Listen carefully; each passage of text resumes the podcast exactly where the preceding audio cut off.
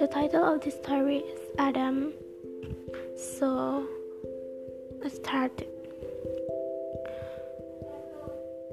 Allah made the sun and the moon, and He made the angels.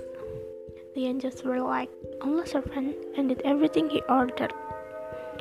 Then Allah decided to make a man. He called the first man Adam. He taught him many things so that Adam had more knowledge and the, uh, than the angels. There was one jinn called Iblis, and he thought he was better than Adam, so Allah would not let him stay with the other, the other angels. He was to be called Shaitan, the devil. Shaitan blamed Adam for what had happened to him and was very angry.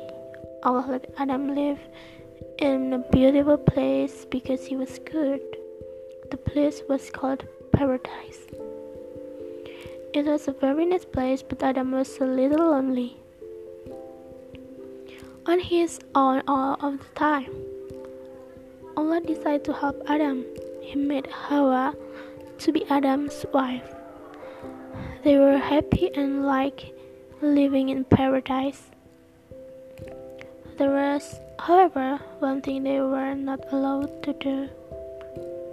There was a special tree, and Allah had told them they must not eat any fruit from that tree.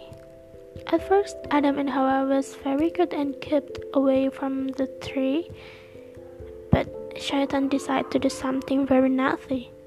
He told them they were silly to keep away from the tree. He said nothing would happen if they ate its fruit.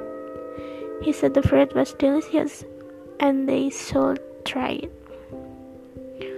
After a while, after a while, they began to listen to Satan and thought them would have just a little taste of the fruit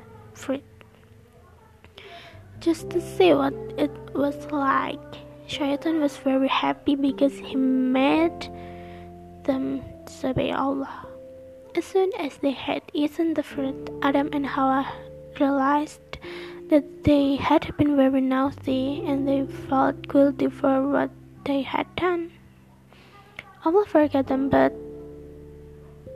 He wouldn't let them stay in paradise anymore, so he sent them to live on earth to be continuous.